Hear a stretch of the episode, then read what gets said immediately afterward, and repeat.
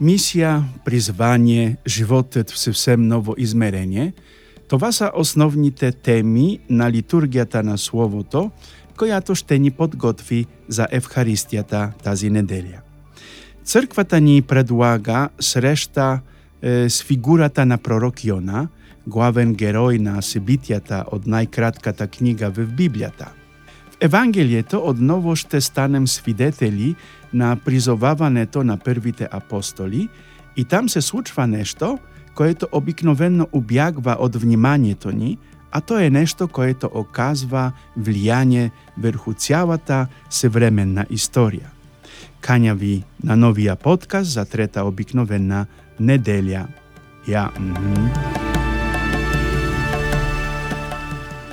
Kazał se otec Krzysztof, a syn kapucin, syn duchowy syn na święty Francisk i sy brat na święty otec Pio od Pietrylczyna.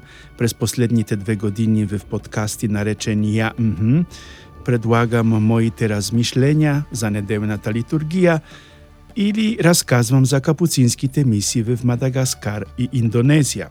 Moje te podcastowe możecie da namerite pod adresa ja.podbin.com. Кања ви да ги слушате всяка собота од 12 часа българско време.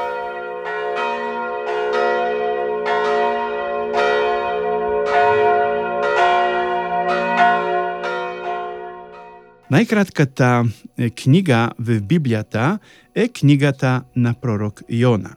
Затова ви насечавам да прочетете тази книга од самото начало.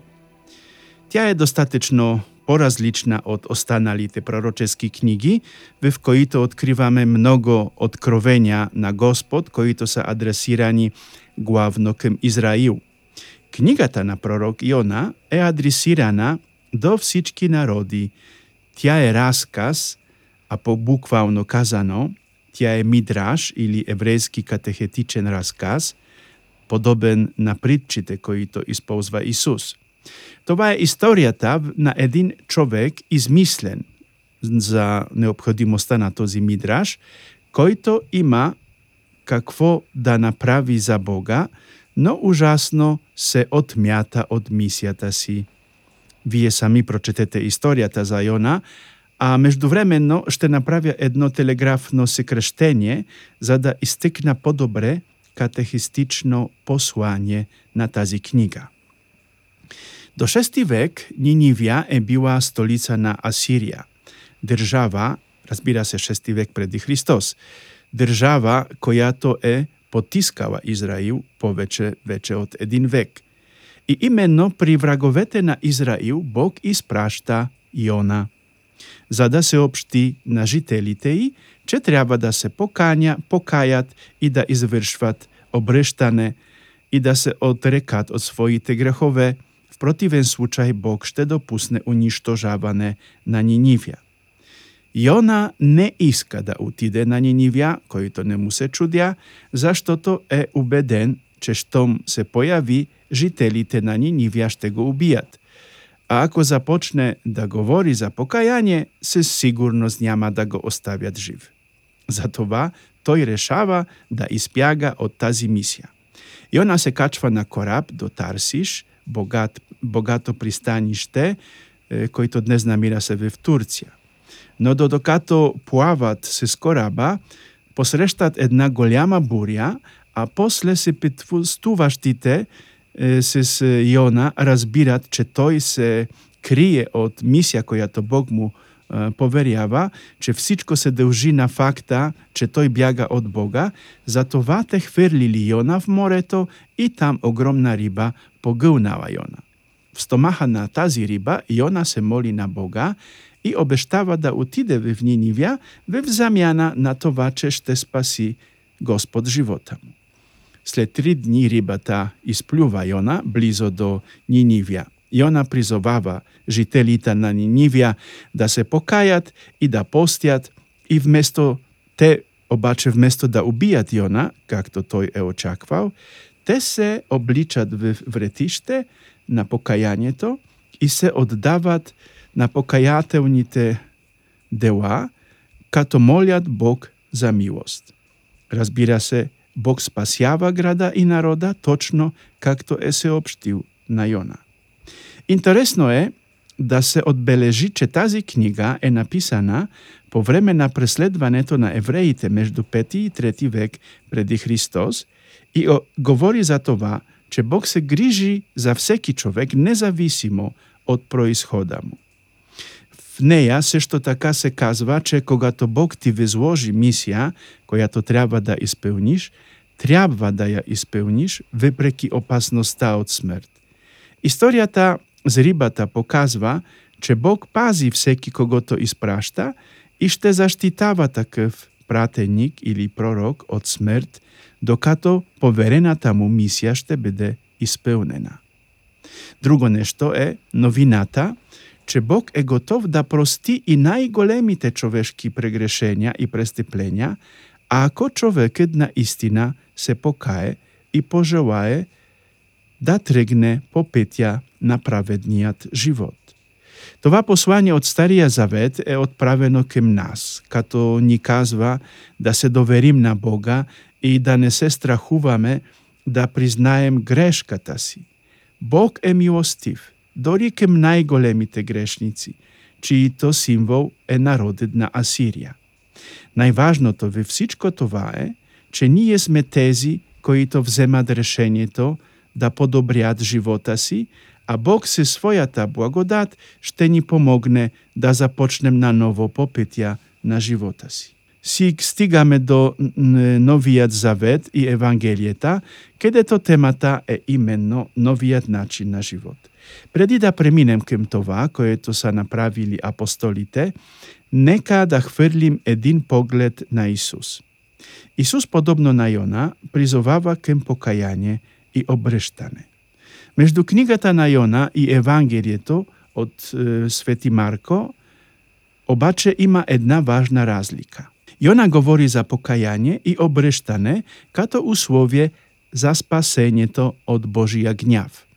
В сештото време Исус добавја, че покајањето и обрештането са необходими за да приемем Евангелието, което Исус текмо започва да проповядва. А Евангелието е благата вест за идването на Небесното Царство, което не е само за евреите, а за всички, които приемат Евангелието и живеат според него. Какво са направили апостолите, за което е толкова важно да се говори? Петер, Андрей, Јоан и Јаков, чувајки призива на Исус да го последват, оставјат лодките и мрежите си и отиват се с учителя од Назарет. Какво е особено в това? Ами това, че тези галилејски рибари оставјат на брега целиот си живот такъв, какъвто са го познавали. Тоест, живот на работа, којто им е осигурявала оцелјаване и спасение за тях и семејствата им. Всичко което са познавали е било оставено во отките. Те последваха Исус в неизвестното, не са знаели какво ги очаква, какъв живот ще им предложи Исус. И все пак, те са се доверили толкова много на новия учител, че оставили целия си предишен живот на брега и се отправили кем новото и непознатото. Със сигурност с тази сцена е важна за онези, които получават призвање за свештенически и религиозен живот, но аз сум убеден и вярвам, че тя е също и покана към всяко човешко същество. Исус ни приканва да оставим предишния живот, който сме основали на временни и преходни неща, и да изберем живота предложен ни од Евангелието. Животот на Евангелието е основан на вечни основи, на ценностите на вярата, изградени врху декалога и закона за любов кем Бога и ближнија. Това е изцяло нов пет на живот. Какво од това, че десетки пети сме слушали Словото, което црква ни предлага днес, ако не сме изоставили, следвајки примера на апостолите, досегашниот си живот, којто се основаваше единствено на материјалните ценности, којто ни осигуряваше работа и на којто починјавахме всеки ден од живота си своја живот. Работа, работа за придобиване на материјалните средства, често за сметката на вјарата, на религиозните практики, на компромиси се злото. Днес Исус ви казва подчинете живота си на ценностите на Евангелието. Нека те да бидат вашата отправна точка. Мислите ли, че апостолите са знаели какво означава, че сега няма да ловят повече риба, а хората? Не вярвам да са знаели какво им казва Исус. Но тъй като Исус беше този, който лично ги увери, че ще бидат други рибари, си струваше да се доверят и да опитат. Зашто и ти, братко и сестро, да не го направиш? Какво ви спира? Не се ли доверявате на Бога в сештата степен като апостолите? Опитајте. Днес Исус ви кани да вземете това решение. Кураж, братја и сестри. Нека днес се доверим на Господ и Светија Дух се сигурност ще ни води. Амин.